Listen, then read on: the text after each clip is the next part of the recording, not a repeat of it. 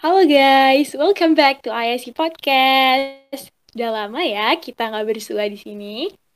Uh, by the way, kenalan dulu kali ya. Perkenalkan, nama aku Failu Sufa Azka.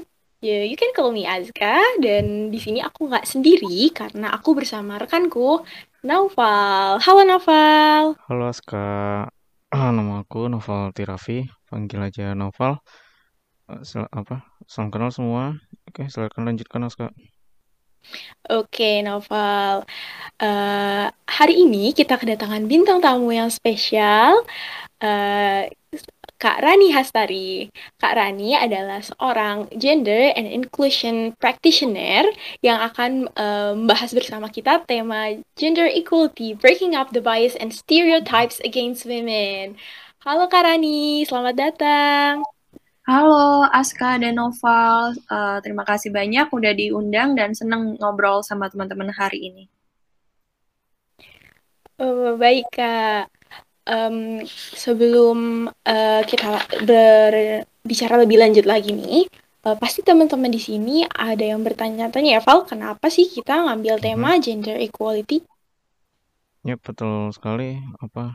Uh, pokoknya bakal bahas lebih lanjut ya tentang gender equality ini?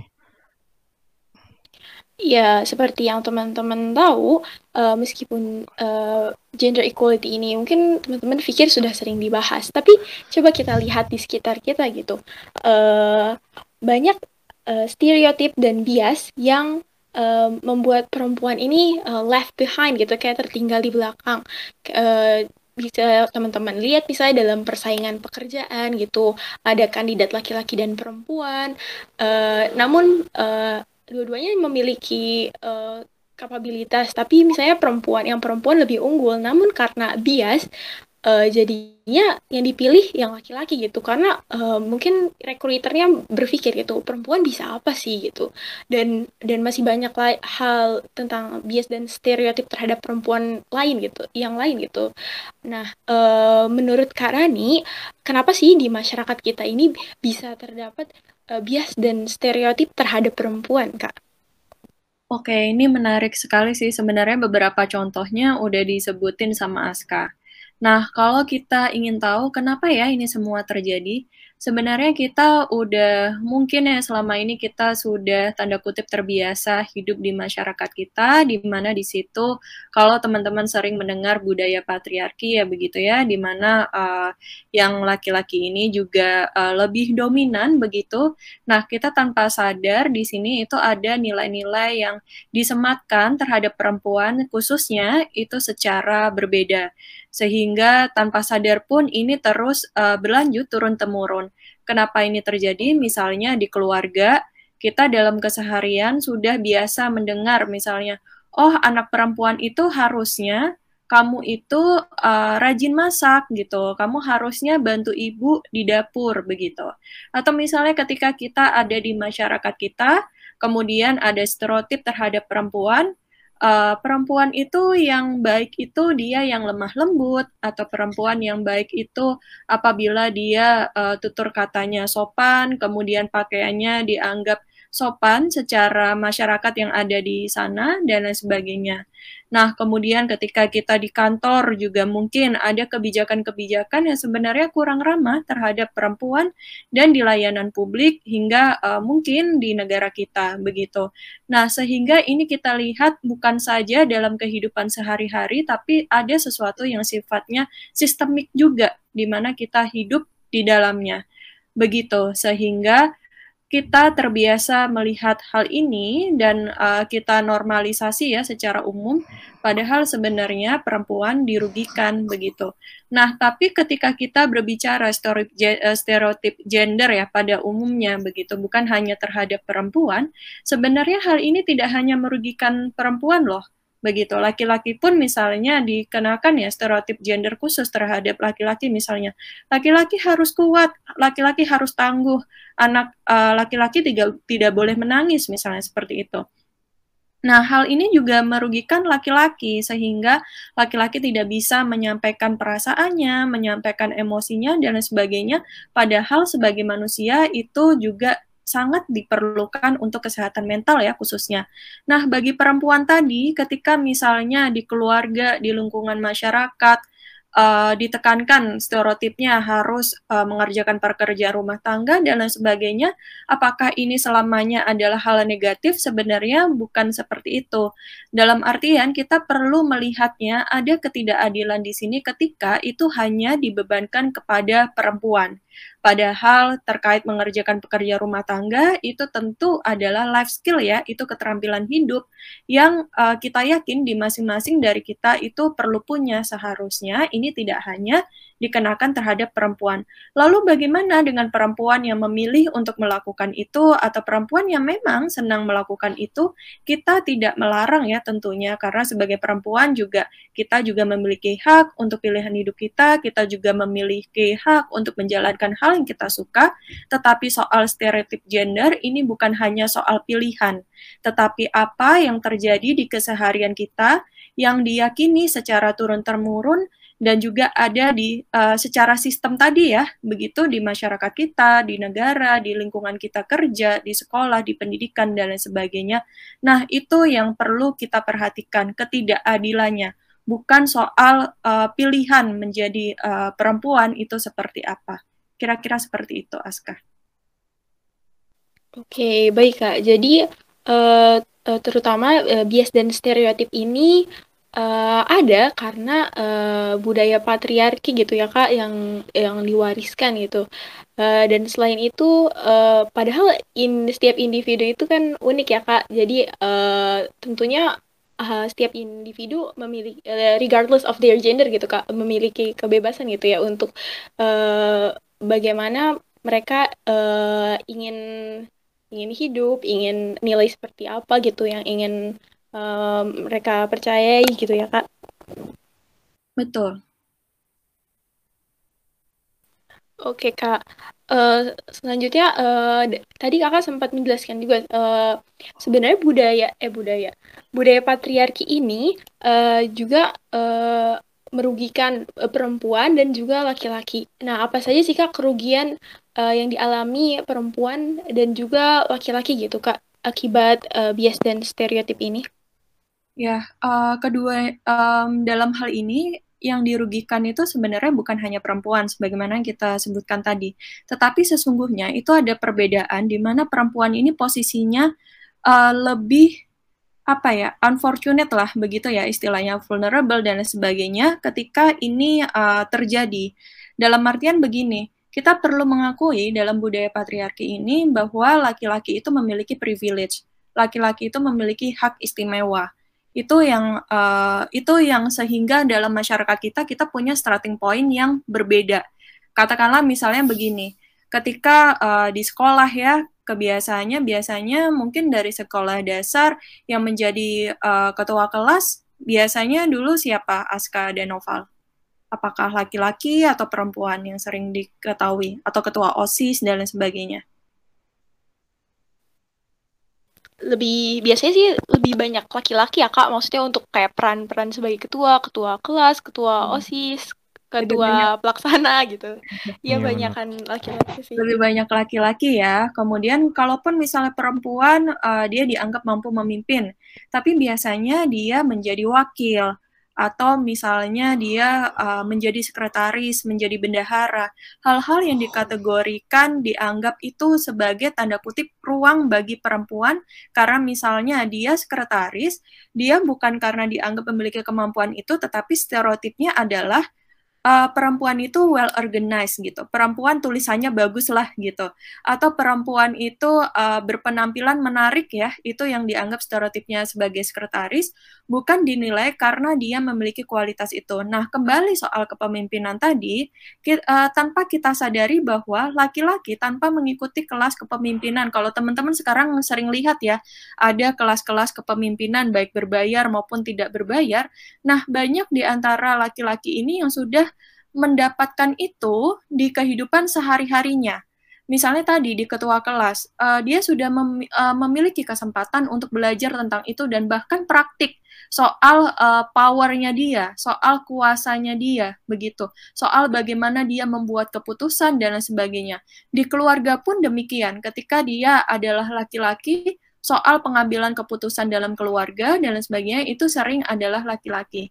Nah, sehingga ketika perempuan ini ada begitu ya uh, di keluarga, di masyarakat dan lain sebagainya, ini nilai uh, tadi starting point-nya itu berbeda begitu. Dimulainya itu berbeda aku sering mendengar begini, um, banyak teman-teman yang perempuan yang dia sebenarnya perempuan muda dan juga perempuan yang dia memimpin ya, memiliki uh, posisi begitu yang sangat baik, tetapi ketika misalnya di meeting uh, itu disalahartikan. Jadi ada yang menganggap uh, dipikirnya tadinya sebelum dia tahu title-nya si perempuan ini apa, dipikirnya itu adalah sekretarisnya misalnya, dipikirnya itu adalah staffnya. Ada pernyataan menarik yang uh, pernah aku dengar dari salah seorang perempuan ya, dia luar biasa dan juga masih muda dan memiliki posisi yang sangat baik juga. Dia bilang gini, saya sebagai perempuan harus membuktikan berbe uh, beberapa kali lipat untuk saya bisa dianggap atau diakui kemampuan memimpin saya. Begitu. Yang ini tentu berbeda dengan laki-laki. Bahkan dia menceritakan bahwa ketika dia masuk di ruang meeting itu tadi, uh, dianggapnya bukan dia gitu yang sebagai pemimpin. Nah, di sini kita melihat situasi yang berbeda antara perempuan dan laki-laki meskipun laki-laki juga mengalami kerugian. Nah, kerugiannya apa yang tadi sempat dibahas ya di awal. Tapi lalu kerugian bagi perempuan, ya seperti yang barusan uh, aku sampaikan, dia untuk menunjukkan bahwa perempuan ini memiliki kualitas, dia harus berusaha sebesar uh, sekuat itu untuk diakui kepemimpinannya. Kemudian kita kita sering melihat perempuan sebagai kelompok yang lemah, kelompok yang rentan tanpa kita sadari kita terus memasukkan perempuan di kotak itu. Memang dalam banyak situasi stereotip gender yang tidak adil ya khususnya terhadap perempuan ada berbagai macam bentuk lah ketidakadilan gender gitu ya ter, uh, khususnya terhadap perempuan itu memang membuat posisi perempuan itu uh, vulnerable itu tadi, tetapi kadang kita lupa bahwa perempuan juga memiliki agensi.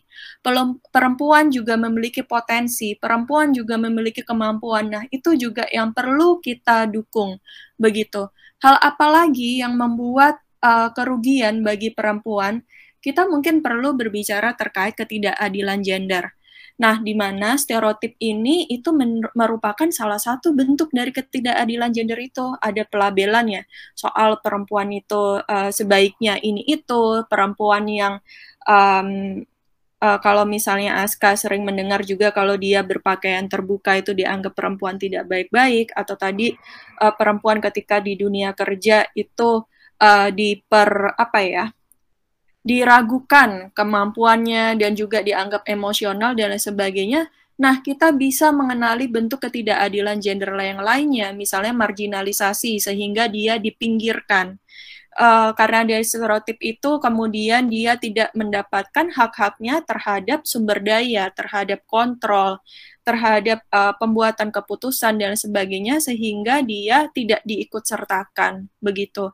Nah, kemudian subordinasi misalnya uh, ya itu tadi perempuan dianggap sebagai orang yang nomor dua ya kelas kedua begitu. Misalnya teman-teman uh, sering mendengar the second uh, the second sex begitu ya misalnya. Nah ini sering uh, kita lihat juga bagaimana ketika perempuan ini ada di uh, dunia kerja di keseharian kita atau teman-teman sedang kuliah uh, stereotipnya begini. Ketika di situ selama di situ ada laki-laki maka sebaiknya yang memimpin adalah laki-laki perempuan uh, dianggap tanda kutip harus tahu tempatnya begitu. Nah, kemudian ada juga uh, ketika kita berbicara terkait beban ganda, bukan hanya beban ganda ya, tapi bahkan multi burdens gitu, banyak sekali beban perempuan. Dia uh, sering nggak uh, mungkin Noval dan juga Aska mendengar um, perempuan boleh bekerja menjalankan perannya di uh, di tempat kerja atau mungkin kalau teman-teman uh, sebagai mahasiswa aktif berorganisasi dan lain sebagainya asalkan dia sudah mendapatkan izin dari uh, mungkin dari pasangannya seperti itu. bukan karena dia uh, mampu. Jadi di situ ada soal izin kepada pasangannya dan juga soal ketika dia seharusnya sudah mengerjakan pekerjaan rumah tangganya. Jadi tetap dia har uh, dia bisa aktif tetapi ada kata asalkan itu tadi dan juga ketika dia kembali ke rumah dia harus mengerjakan semua itu. Jadi bebannya itu ada banyak sekali, terutama teman-teman sekarang working from home ya, dan juga uh, belajar dari rumah nih, begitu. Itu makin dirasakan oleh perempuan. Kemudian ada lagi bentuk dari uh, itu ketidakadilan gendernya, misalnya kekerasan berbasis gender, di mana pelecehan seksual itu salah satunya. Kita mendengar perempuan sudah menjadi korban malah disalahkan, misalnya tadi soal pakaian, kemudian dianggap menarik dan sebagainya sehingga perempuan itu menjadi objek. Nah, berbicara terkait kerugian ini tentu tidak akan ada habisnya ya. Jadi mungkin kita berbicara dari uh, situ dulu kali ya, Aska. Oke Kak, jadi uh, tadi begitu banyak ya kerugian-kerugian uh, yang dialami perempuan, mulai dari uh, starting pointnya aja udah beda, kata kakak tadi laki-laki uh, Eh, nggak uh, bermaksud nyinggung ya Val yes, karena laki setiap laki-laki juga pasti punya pemikiran yang berbeda ya. Uh, misalnya laki-laki tadi kata kakak diberikan uh, ruang yang yang luas gitu. Dia mau jadi pemimpin. Uh, ayo laki-laki. Laki-laki kalau setiap pemimpin laki-laki yang pertama terus uh, perempuan harus berusaha berkali-kali lipat lebih keras gitu untuk mencapai posisi yang sama padahal uh, uh, antara perempuan dan laki-laki itu sebenarnya uh, untuk hal kecerdasan pasti sama lah ya. Uh, Oke, okay. kenapa sih kak? Uh, selanjutnya nih ya, aku mau tanya. Uh, mungkin teman-teman di sini masih pada bingung kan apa sih kita harus memperjuangkan gender equality gitu kak? Uh, apa sih uh, manfaatnya gitu? Uh, mungkin teman-teman di sini masih ada yang bingung kak. Nah, uh, berbicara terkait kesetaraan gender ini bukan hanya isu perempuan ya, itu yang perlu kita garis bawahi. Karena uh, selama kita mungkin ini menganggap hanya isu perempuan saja di situ, padahal kita perlu juga melibatkan laki-laki. Kenapa? Ya itu tadi kita berbicara bahwa ketidaksetaraan gender itu tidak hanya merugikan perempuan begitu. Nah, itu perlu ada keterlibatan juga nih uh, bersama Novel ya. Novel juga hari ini di sini. Hmm. Terima kasih dan juga teman-teman lainnya gitu bisa ngajakin. Nah, uh, di sini kita perlu melihat bahwa hal itu lagi-lagi ya meskipun laki-laki itu tadi e, dikatakan memiliki privilege-nya begitu ya, tetapi sebenarnya dia juga dirugikan dari segi beban yang berlebih juga terhadap laki-laki atau juga yang tadi soal e, emosi dan lain sebagainya tuntutan-tuntutan begitu. Sekarang misalnya di situasi pandemik nih e, banyak yang e, kan penekanannya itu begini, laki-laki harus penghasilannya lebih tinggi dibandingkan perempuan. Laki-laki harus mampu menghadapi masalah tidak boleh menunjukkan kerentanannya. Begitu. Laki-laki kalau menangis cengeng gitu. Sering dengar kayak gitu nggak novel dengan teman-teman? Iya benar. Sering ya? Sulit ya menjadi laki-laki? Sulit juga kan ya? Iya, ada plus minusnya juga. Iya, ada plus minusnya juga. Uh, dalam artian tadi novel mengaku ya adanya plusnya juga ya soal uh, tadi mendapatkan privilege-nya, tetapi juga ada kerugiannya. Nah, di situasi pandemik ini apabila itu juga diteruskan, tentu buat laki-laki itu sangat berat. Misalnya kita mendengar bahwa uh, banyak mungkin teman-teman yang diputus kontraknya atau tidak bisa mendapatkan pekerjaan yang uh, diharapkan atau tidak bisa memenuhi kebutuhannya apal apalagi misalnya dia menjadi pencari nafkah utama atau misalnya teman-teman yang masih kuliah pun ada beberapa uh, cukup banyak ya sebenarnya bukan beberapa juga di antara teman-teman kita yang bekerja sambil kuliah begitu. Sehingga bebannya juga berlebih dan itu menjadi uh, beban juga bagi laki-laki. Nah, kita melihat dari uh, ketidaksetaraan gender ini ada ses, uh, banyak sekali hal-hal yang merugikan untuk semuanya sehingga yang kita inginkan itu bukan untuk supaya perempuan itu mengalahkan laki-laki atau supaya perempuan bisa kan stereotipnya gini ya apa hoax-hoaxnya kayak uh, orang yang bekerja atau me menyuarakan isu kesetaraan gender itu benci laki-laki misalnya. Begitu. Pernah mendengar gitu enggak? Bukan sering. sering ya? Padahal enggak gitu atau ingin mengalahkan laki-laki begitu. Padahal namanya saja kan kesetaraan ya. Kita ingin setara, bukan ingin menjatuhkan, bukan untuk ingin membenci, bukan untuk uh, ingin mengalahkan, bukan seperti itu. Tapi kita setara, menghargai satu sama lain sebagai manusia dan kita bisa bekerja sama. Sehingga kenapa uh, ini sangat penting dan juga tadi uh, tadi sudah menyebutkan ya perlunya ada pelibatan laki-laki ya khususnya dan juga kita juga selain ini bukan hanya isu perempuan, ini juga bukan hanya isu dewasa begitu. Mungkin teman-teman di sini uh, masuk kategori kelompok usia muda ya, 15 uh, eh, usia kaum muda, 15 sampai 24 tahun begitu.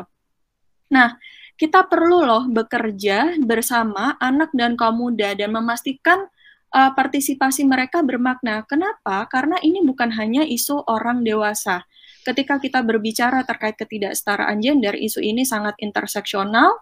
Dalam artian uh, di situ itu ada ada situasi yang berbeda ya terkait uh, terkait suku, ras, kelas sosial, uh, dan mungkin agama juga soal minoritas mayoritas. Uh, soal bagaimana teman-teman apakah teman-teman penyandang disabilitas atau uh, atau bukan. Dan misalnya di sini ada kelompok-kelompok usia.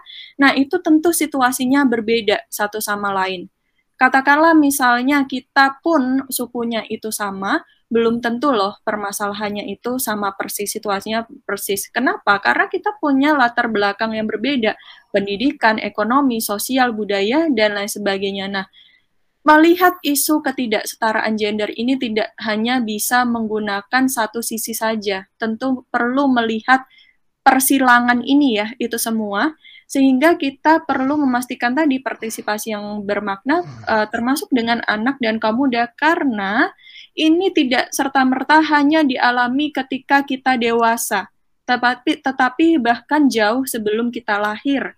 Misalnya apa? Uh, ketika teman-teman um, ada begitu ya perempuan hamil, kemudian uh, tahu bahwa bayinya itu adalah perempuan, si calon orang tua uh, bayi ini sudah menyiapkan nama untuk anaknya kalau perempuan seperti apa, kalau laki-laki seperti apa. Sering tidak melihat nama-nama yang di uh, eh, nama itu kan doa ya begitu. Tetapi sebenarnya ketika kita lihat lagi uh, per, um, doa itu mungkin cukup berbeda ya begitu ya. Ketika perempuan itu banyak yang diharapkan menjadi anak yang lemah lembut, yang dia membawa kedamaian hati begitu untuk orang lain begitu. Jadi uh, act of service gitu, melayani orang lain, membuat orang lain bahagia. Sementara laki-laki itu banyak yang dikenakan uh, nama harapan ya, misalnya untuk dia menjadi pemimpin, untuk dia menjadi orang yang tangguh begitu. Di sini aja ada peran gender yang berbeda. Anaknya belum lahir begitu. Apakah hal itu buruk? Tentu saja tidak begitu. Tetapi setidaknya dalam hal ini kita bisa melihat bagaimana uh, stereotip, peran dan lain sebagainya ini khusus terkait gender itu ada terus-menerus bahkan uh, sebelum bayi tersebut lahir. Apalagi ketika misalnya dia sudah lahir, ada warna-warna tersendiri nih, perlengkapan tersendiri untuk perempuan uh, pink semua begitu, untuk laki-laki biru semua. Sehingga kalau tidak memenuhi itu misalnya laki-laki menggunakan warna pink begitu ya, uh, itu dianggap ke perempuan-perempuanannya. Atau laki-laki misalnya bermain boneka dianggap kok kamu kayak anak perempuan? gitu kalau laki uh, kalau perempuan itu main robot-robotan atau main mobil dianggap kurang perempuan dan lain sebagainya. Nah, ini uh, terus berlanjut begitu. Dan ini untuk jangka panjang juga hmm. bisa ada uh, menyebabkan kekerasan uh, berbasis gender dan sebagainya berbagai bentuk yang tadi ketidakadilan gender yang tadi aku sebutkan begitu. Sehingga di sini kita perlu bekerja bersama-sama mewujudkan kesetaraan gender ini memahami satu sama lain dan bekerja uh, bersama-sama untuk menciptakan dunia yang lebih adil ya menunjuk menjunjung hak-hak kita semua dan terutama kita sebagai manusia. Seperti itu Wah, iya Kak, uh, benar banget. Uh, kayak uh, ini si kayak siklus yang diwariskan terus-menerus dan kalau misalnya nggak dimulai dari uh, kita, maksudnya siapa lagi gitu yang akan uh, memutusnya gitu Kak uh, tentang uh, apa sih namanya uh, bagaimana kita uh, berusaha gitu bersama-sama untuk uh, menciptakan dunia yang lebih baik gitu. Nah, tapi mungkin teman-teman di sini uh, agak kebingungan gitu kak. Bagaimana sih harus mulai dari mana gitu uh, untuk bisa ikut berpartisipasi gitu, menciptakan uh, kesetaraan gender gitu kak. Uh, ada nggak sih cara misalnya the smallest act gitu yang bisa kita lakukan uh, untuk ikut berkontribusi? Iya, tadi kita ngobrolin waktu di awal ya, kenapa ini terus lestari begitu ya? Kenapa stereotip, gender itu terus ada? Karena memang ada yang meneruskan. Dan lewat apa jalurnya? Itu ya jalurnya yang bisa lewat keseharian kita dan juga sesuatu yang sistemik begitu. Nah, kita lihat dulu nih, ini uh, urusannya di mana dulu dan di mana kita perlu berperan. Mi kita mulai misalnya tadi kalau Aska berbicara ter terkait the smallest act ya begitu ya. Jadi kehidupan sehari-hari kita mungkin hal-hal yang terkecil. Kita bisa mulai dari diri kita sendiri dengan mengedukasi diri kita sendiri. Kita belajar bahwa uh, kita merefleksikan diri selama ini kita seperti apa kita perlu aku biasanya menerapkan ini ya soal uh, learn, unlearn, and relearn gitu. Jadi kita belajar dulu, kita mengedukasi diri kita seperti yang kita ngobrol-ngobrol hari ini. Sebenarnya bukan bukan aku untuk menceramahi teman-teman ya. Tadi justru aku mendengarkan juga dari Aska dan juga Noval begitu.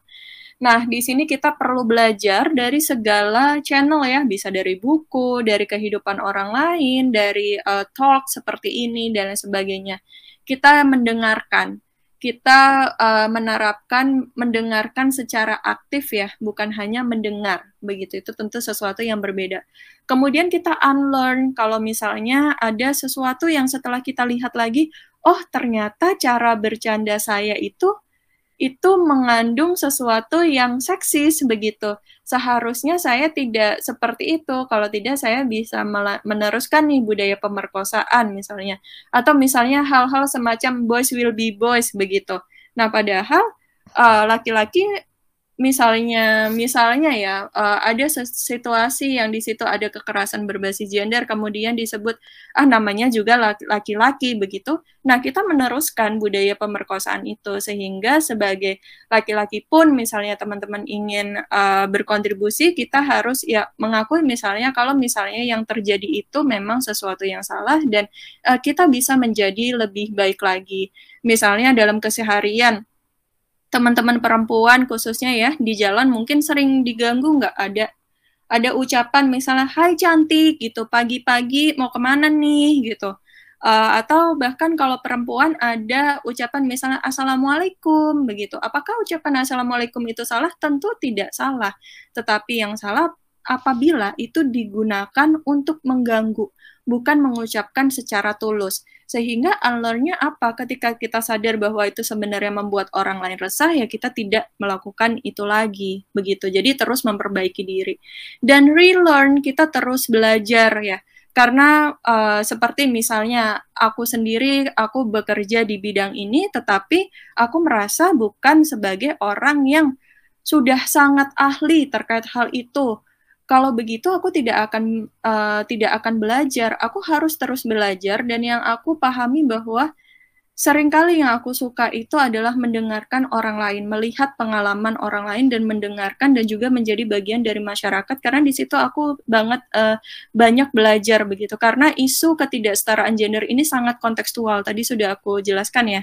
Itu bisa berbeda gitu. Tidak bisa kita samaratakan uh, karena situasi orang berbeda dan kita tidak bisa menggunakan kacamata pribadi kita untuk kita paksakan kepada orang lain.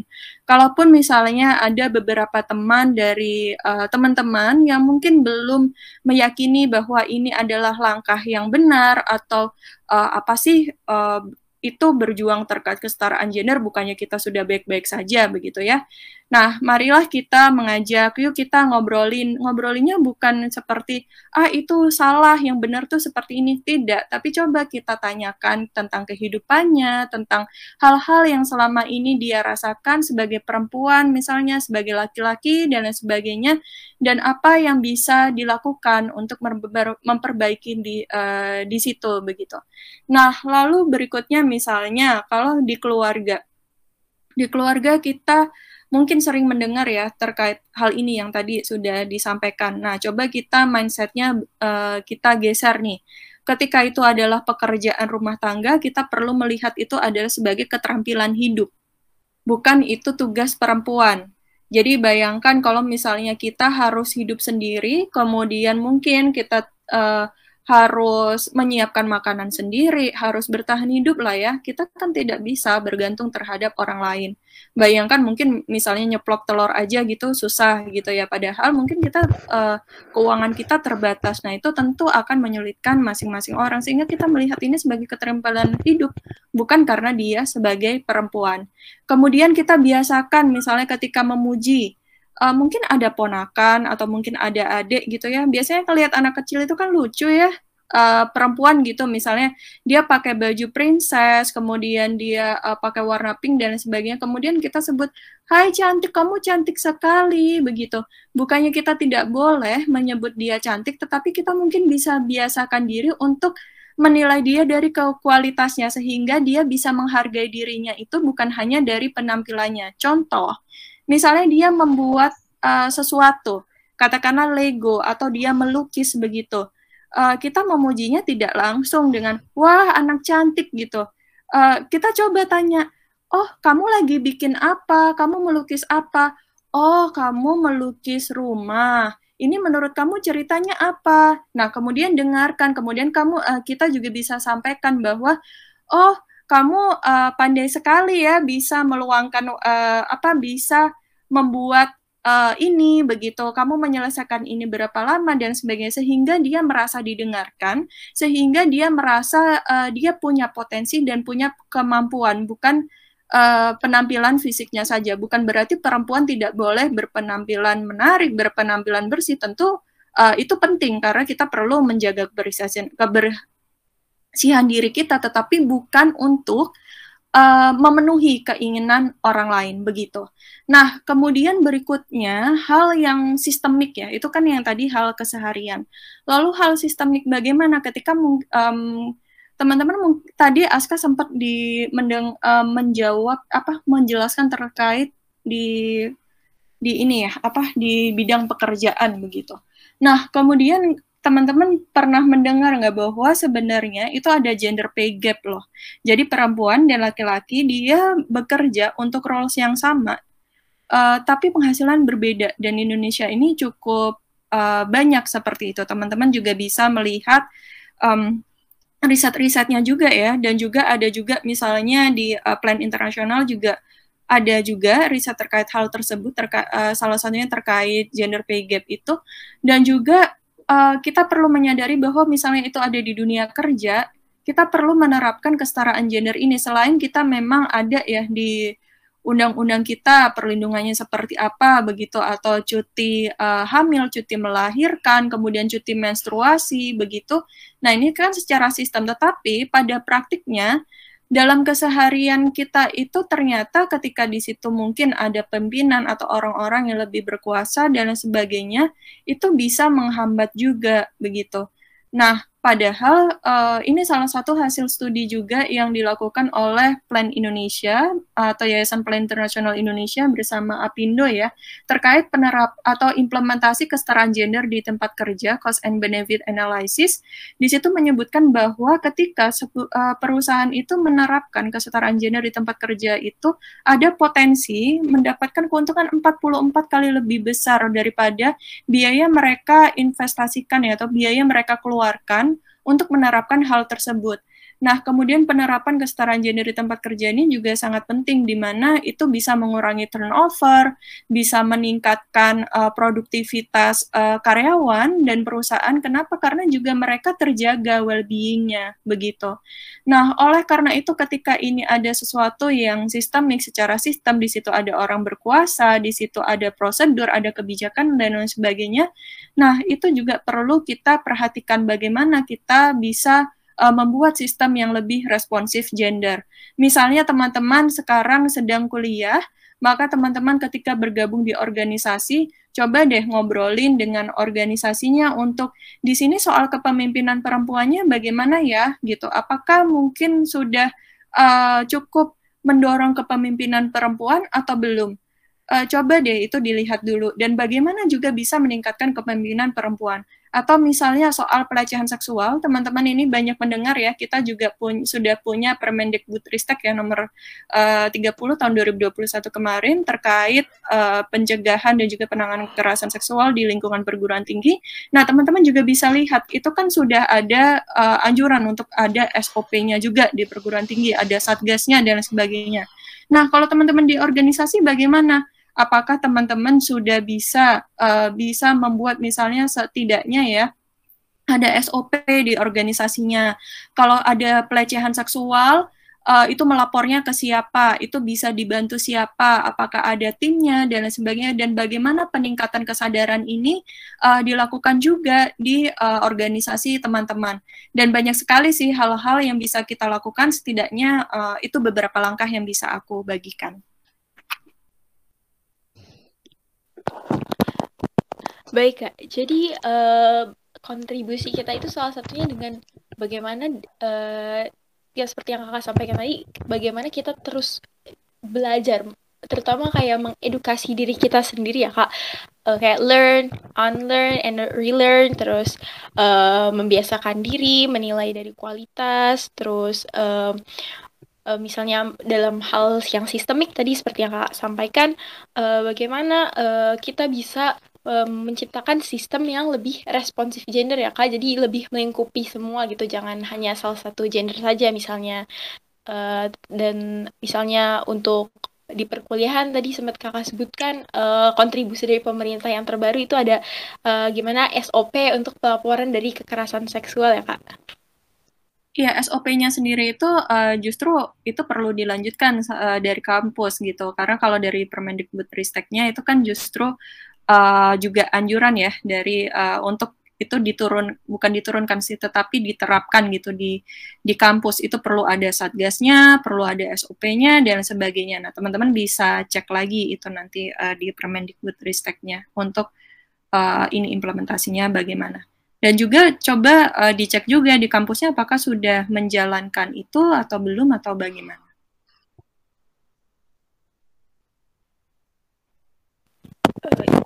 Iya Kak, uh, untuk yang di kampus sendiri sih aku belum sempat uh, mencari tahu ya. Uh, tapi mungkin nanti aku akan cari tahu lebih dalam lagi. Um, akhir-akhir ini juga aku tuh kayak lebih tersadar gitu loh Kak, pas udah besar gitu. Kayak banyak hal-hal yang ternyata nggak uh, serak gitu sebagai uh, remaja gitu yang baru uh, lebih mengeksplor lagi hal-hal di luar Eh, pemikiran-pemikiran uh, yang ada dari kecil gitu. Wah, ternyata uh, di lingkungan di sekitarku uh, kayaknya kurang mendukung perempuan gitu untuk uh, berperan lebih jauh lagi gitu. Uh, iya sih aku jadi lebih kayak pengen terus belajar belajar belajar gitu kak Iya, terima kasih banyak loh Aska, Noval, dan juga teman-teman sudah membuat platform ini yang aku pikir ini justru langkah yang sudah sangat luar biasa ya, bukan hanya langkah kecil loh, begitu. Tadi uh, di obrolan informal kita juga Aska dan Noval menceritakan bahwa ini bukan hanya untuk teman-teman jurusan uh, apa HI saja, tetapi untuk semuanya juga. Jadi terima kasih juga sudah membuat uh, ruang aman dan nyaman untuk teman-teman berkembang dan saling belajar satu sama lain.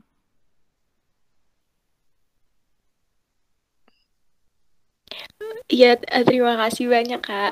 Uh, ISC uh, memang uh, aku akui sih kayak uh, tujuannya itu sangat bagus kayak memberikan perspektif baru bukan hanya anak jurusan HI aja tapi untuk anak-anak di luar HI itu jadi uh, bisa lebih terlibat aktif lagi gitu dalam hal-hal isu-isu seperti ini sih terutama. Um, kalau dari kakak sendiri gitu uh, ada nggak uh, closing statement yang mau kakak sampaikan gitu? Kok apa pesan-pesan yang ingin kakak sampaikan kepada teman-teman semua gitu uh, terkait gender equality ini uh, kita sebagai manusia dan juga kita sebagai perempuan, kita memiliki potensi dan kita bisa berdaya.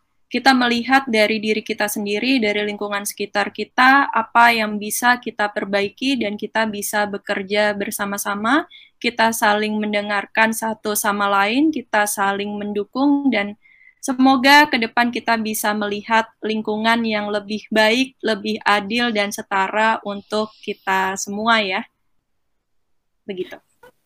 Wow, keren banget teman-teman penjelasan dari Kak Rani dari awal bagaimana uh, bisa ada gitu bias dan stereotip terhadap perempuan. Kak Rani tadi udah jelasin uh, benar-benar uh, bagaimana sih awalnya dari yang uh, dari tentang budaya patriarkinya, uh, bagaimana itu uh, bias dan stereotip ini diwariskan gitu, terus kerugian, uh, kerugian baik dari laki-laki maupun perempuan sendiri ter, uh, akibat bias dan stereotip ini.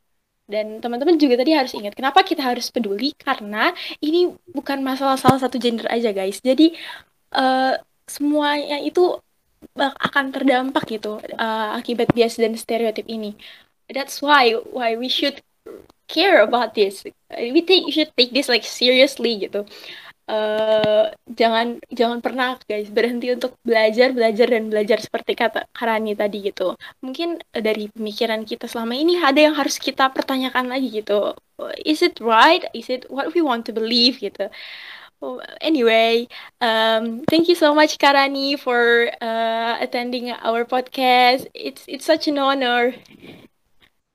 My pleasure. Terima kasih juga untuk teman-teman semua dan semoga uh, kita selalu dalam kondisi yang baik, uh, fisik dan mental, dan kita terus berkarya bersama-sama untuk mewujudkan kesetaraan. Amin. Amin. Thank you so much. By the way, guys, um, that is uh, the end of our podcast, but it's not the end of SDGs talk, of course. Uh, uh, so uh, if you guys have any requests for like the next uh podcast, like what we should talk about, uh, uh, SDG nomor berapa nih yang harus dibicarain. Uh, nah, nanti um, di Instagram komen aja ya. Uh, pokoknya uh, SDG Stock nggak bakal berhenti di sini tentunya. Uh, terima kasih banyak sudah dengerin SDG uh, Talk ini dari awal sampai akhir. Uh, pokoknya uh, ilmu yang kalian uh, peroleh di sini dari Karani pokoknya uh, diresapi dengan baik-baik dan uh, kita yakin uh, kita sebagai generasi muda saat ini bisa uh, membuat perubahan, making impact uh, dan bisa menciptakan uh, dunia yang lebih baik lagi di mana uh, antara perempuan dan laki-laki itu dan uh, bisa mendapatkan kesetaraan gitu. Thank you so much. Uh, I'm Failusufa Aska and Naufal. Yep. I'm we are signing out. Thank you so much. That's all. Thank you. Cut.